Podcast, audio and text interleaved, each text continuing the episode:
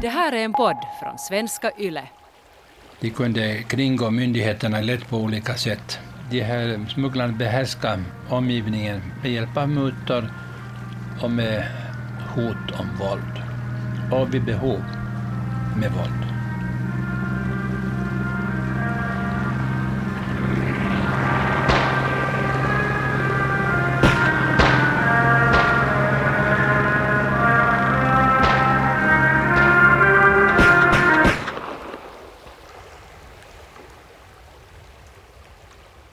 I slutet av 1920-talet landar en färgstark person med sina flyttlådor i Korpo i Åbolands skärgård.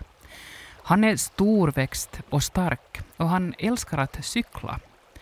En stadsbo från Åbo som knappt kan läsa eller räkna och talar enbart finska. En riktig utböling och udda figur i det här svenskspråkiga skärgårdssamhället. Han kan inte skärgårdshavets öar, kobbar och skär och har inte andats den salta havsluften hela sitt liv. Men han är rik, mycket rik, tack vare affärer som inte tål dagsljus. Han hade hjälpredor och mer eller mindre anställda som hjälpte honom. Och, och, och det gjorde ju också att, att, att levnadsstandarden höjdes i, i Korpo. Så att till exempel om det var på någon stuga så kom det ett plåttak och singelsymaskin in i in i stugan så, så visste man varifrån de pengarna var. Hjalmar Mäkelä blir kung i Korpu under förbudstiden. En person som det berättas historier om än idag.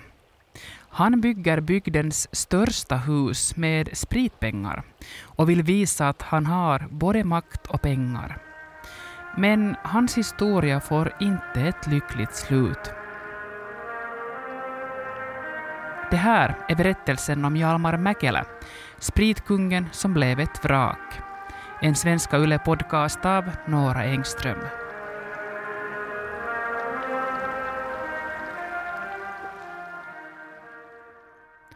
År 1891 föds Hjalmar Augusti Mäkelä i fattiga förhållanden på orten Masku nära Åbo.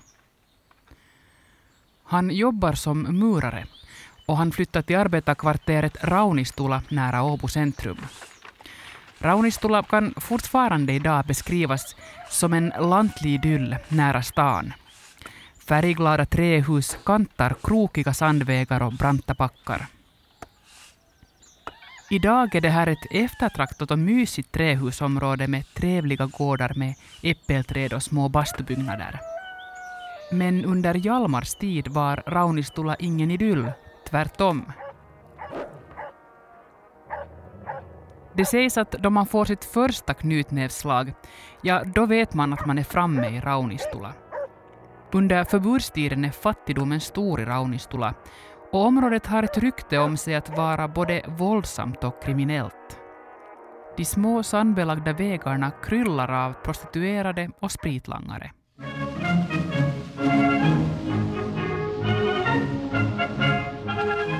Hjalmar Mäkelä är i 25-årsåldern deltar han i inbördeskriget på de rödas sida.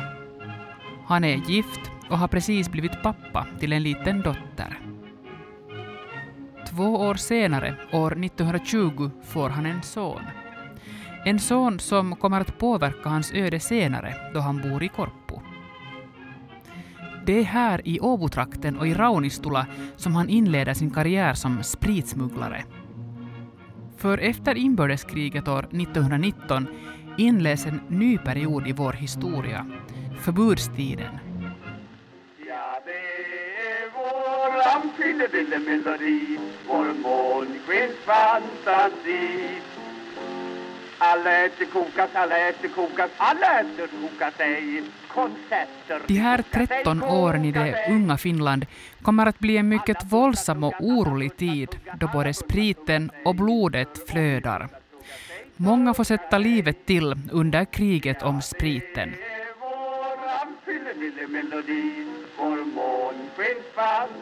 Under förbudstiden är det totalt förbjudet att sälja, importera, inneha eller transportera alkohol. Inom nykterhetsrörelsen drar man en suck av lättnad. Nu ska det bli slut på supandet och finländarna kommer att bli ett fromt och sunt folk. Men riktigt så går det inte, tvärtom. Finländarna super som aldrig förr under förbudstiden. Lönnkrogarna frodas och många restauranger bjuder på hårt te eller pommack med lite sprit i för att lura nykterhetspolisen som patrullerar i kvarteren. Många driftiga personer gnider sig i händerna då förbudstiden inleds. De vädrar morgonluft. För någon måste ju se till att släcka de törstiga struparna. Personer som Hjalmar Mäkelä ser sin gyllene chans och börjar smuggla sprit. Gustav Wikström är lokalhistoriker och jobbar som bäst med en bok om spritsmugglingen i Åbolands skärgård. Förbudslagen var hemskt sträng. Man, man, man fick varken importera eller sälja eh, drycker som innehöll mer än 2 procent sprit. Så efter det man fick inte mer dricka öl, man fick inte mer dricka vin, för att inte prata om brännvin och sånt. Så det var mycket sträng lag. Och eh, det var många som tyckte att, att den inte borde ha stiftats. Och skärgårdsborna, så de lever här i den här gränstrakten och man har alltid, när någonting är billigare på ena sidan gränsen än den andra, så, så finns inte ens man smugglar lite där. Så det var inte något främmande. De som är till sjöss, så nu har någon här och där tagit med sig någon flaska i stöveln. Det var de som kunde de där gränserna, yttersta havsbandets alla klackar och skär, de som hittade där i mörker och storm. Så de fick jobb som lotsar. Så kunde de hjälpa till med att gömma de där kanistrarna lite här och där på de olika holmarna. Och en del av dem som började själv liksom göra lite affärer, köpa och sen sälja vidare. Så det var i många olika roller som de var engagerade. Och skärgårdsborna nog så det var inte så, det var många nog som egentligen så där, Eh, sympatisera med smugglarna på något. Det var det mera spännande. Att det är svårt att lura. Men, och sen när de lurade tullarna så tyckte man att, ja, att det var en rackare som lyckades lura tullarna och polisen. Så det var stor förståelse för det här smugglande och det var ganska allmänt accepterat. Och det, det var många skärgårdsbor, särskilt i yttre skärgården, som på ett eller annat deltog i den här verksamheten.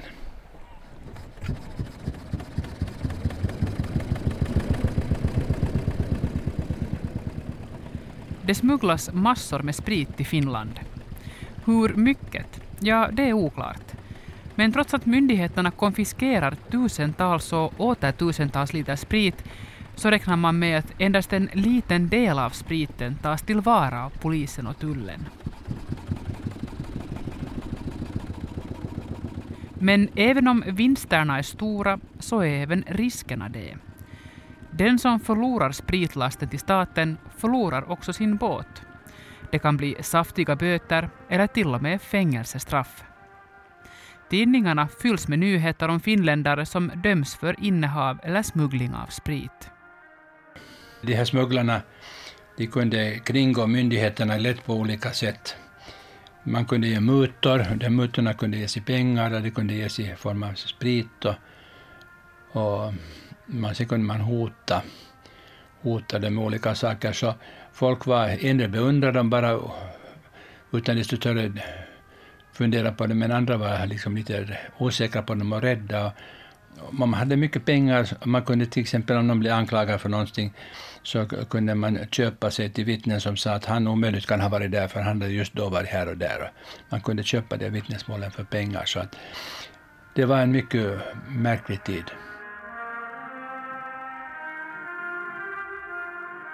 Hjalmar Mäkelä har en tvillingbror, Ilmari. Även Ilmari smugglar sprit.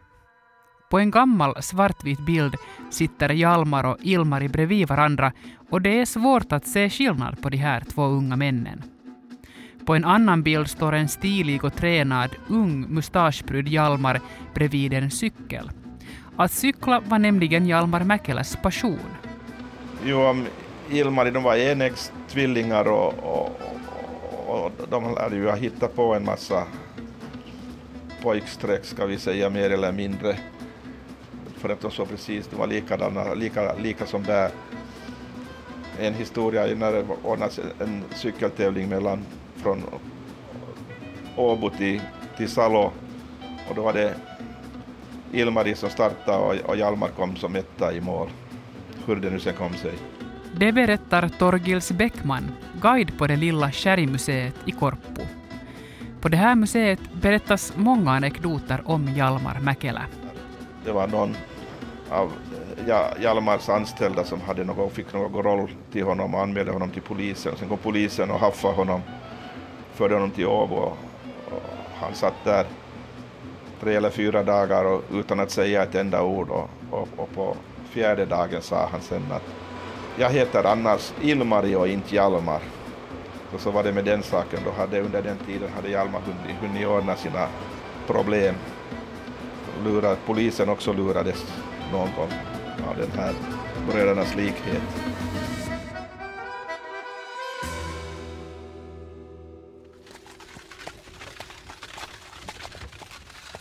Hjalmar Mäkeläs finanser går bra. Den fattiga muraren från den lilla orten Masku gör plötsligt mycket pengar. Så mycket pengar att det sägs att han under sina glansdagar räknar dem i buntar, inte i sedlar. I slutet av 1920-talet tycker han att det är bättre att ta sitt pick och pack och flytta sig och sin familj till Korpu. Gustav Wikström. Sen när Finland blev självständigt så kom den här förbudslagen i kraft utan att det riktigt fanns någon ordning på torpet. Polisen var inte förberedd då tullen var inte förberedd. Och sådana företagsamma människor sen som han var, han var en ganska speciell människa på det sättet att han satte igång med det här spritsmugglande i ett tidigt, tidigt skede. Så eh, han flyttade ut till Korpo för han tyckte det var låg lämpligt bra om man skulle få in sprit som ligger på fartyg ute i Östersjön och få in den till Åbo, Åbo-trakten. Så då skulle han sitta där ute och styra sina båtar.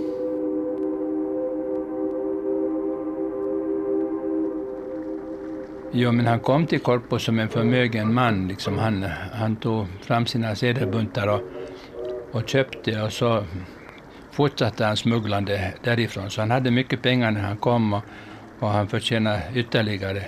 Han höll sig med båtar både på Guggvikssidan och på Rosklacksidan. Och en del av dem var stora och klumpiga och tog mycket ombord eller efter sig på boxer och, och andra var sådana här snabba snabba båtar så, så fast han inte var någon sjöman så gav han sig på sätt och vis ut till sjöss. Och han var alltid själv med och, och betalade den spriten ute på de där tyska fartygen som låg utanför. Så, så han var också mycket ute själv i, i, i det här smugglingsarbetet alltså? Ja, han ville aldrig vara i en båt där det fanns sprit ombord, för mm. det, det var farligt, utan han, han for dit med plånboken och betalade och så, så kom han in, eller kanske som spanarbåt eller något sånt, men att det var andra som skötte själva transporten av spriten.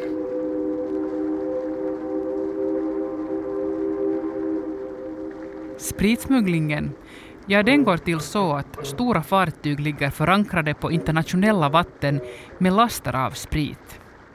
Smugglarna tar emot den 96-procentiga spriten och sedan transporteras den på olika sätt och göms på holmar och så småningom sipprar den till städerna och i de törstigas glas, berättar Gustav Bikström. Man, man kunde betala fyra mark litern för, för den här 96-procentiga spriten ute i Östersjön och man kunde få 40 mark litern om man kom upp till, till Jyväskylä eller Lahti, så det var tio gånger mer om man lyckades få den genom alla de här kedjorna. Och, och han lyckades bygga upp en sån han hade sitt eget nätverk, han hade sitt eget gäng, sina egna hantlangare som delvis kom med honom ut i Korpo, men som han sen eh, engagerade i Korpo. Så det var många Korpobor där, särskilt kring Kyrkby, men runt hela Korpo som i olika repriser hjälpte till och på olika sätt hjälpte till. Det Korpo som Hjalmar Mäkelä flyttar till ser väldigt annorlunda ut än idag. Idag tar det närmare en och en halv timme och två färjor för att komma över till Korpo från Åbo. Men på Hjalmars tid fanns det knappt vägar eller förbindelser till orten. Livet är hårt för de flesta i skärgården. Man livnär sig på fiske och jordbruk. Mäkeläs affärer gynnar en del av lokalbefolkningen som hjälper honom med smugglingen. Deras hjälp behövs. Skärgårdsborna är duktiga på att navigera bland grynnor och skär i mörkt och ruggigt väder då vinden viner och regnet piskar ner. Då Hjalmar Mäkelä flyttar till Korpo köper han ett trähus i centrum av kyrkbyn och öppnar en slags varuaffär. Affären är troligen en chimär för den egentliga affärsverksamheten, spritsmugglingen. I Korpo kan han bygga upp sitt imperium i fred. Nå, myndigheterna visste nog om det där. Inte var det något... Det var ju en stor massa mängd som kom Man hade många olika båtar. Men de lurade nu varandra naturligtvis på olika sätt. Men, men man kunde sen också på något sätt se till att, att man kom in med en last när man visste att tullen inte var på plats. Men eh, han blev nog fast och, och bötfälldes flera gånger i Åbo då förrän han flyttade ut till Korpo. Men, eh, men sen medan han var i Korpo så blev han aldrig fast för, för att smuggla sprit.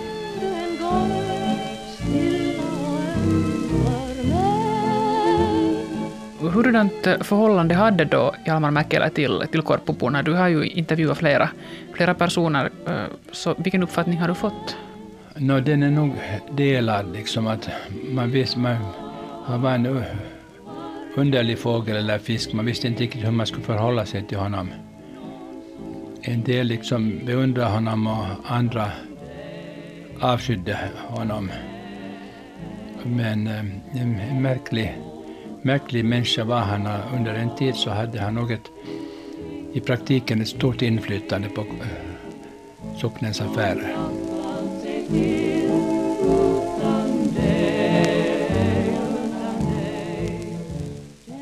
Eftersom en del invånare drog nytta av spritsmugglingen och kunde kanske bygga ett bättre tak på sitt torp eller köpa en symaskin till hushållet tack vare spritpengarna så är det fortfarande ett känsligt ämne för en del, säger Gustav Wikström.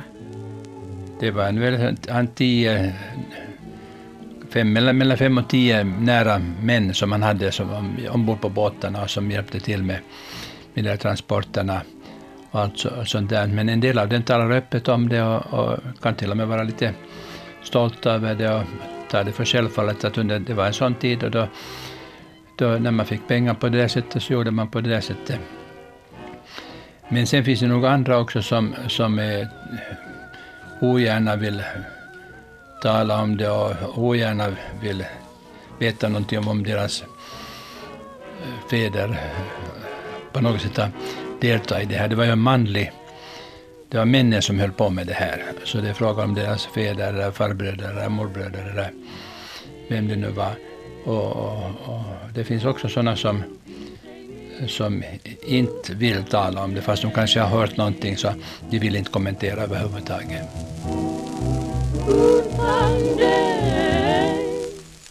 Hjalmar Mäkelä är känd som en generös man i Korpo, berättar Torgils Bäckman han var ju en mecenat här och, och, och, och, på julen så delade han ut pengar till folk och, och, och andra ställen En, också en som berättade här just på sin 95-årsdag att, att, att han, han var något 10-12 års åldern och skulle vara med i en skidtävling följande dag. Och då för, dagen före så bröt han skidorna men att Hjalmar gav nya skidor åt honom, det kommer han ihåg nu efter efter 80, 85 åren.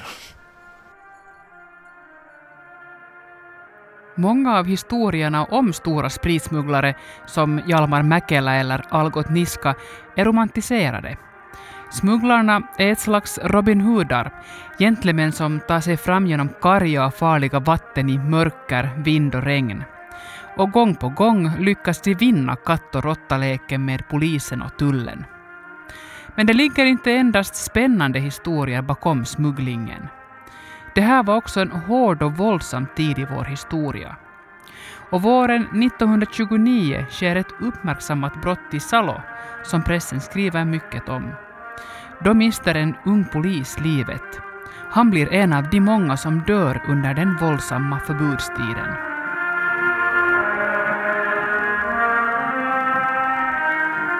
Det här var första delen i Svenska Yles podcast Spritkungen som blev ett vrak av Nora Engström.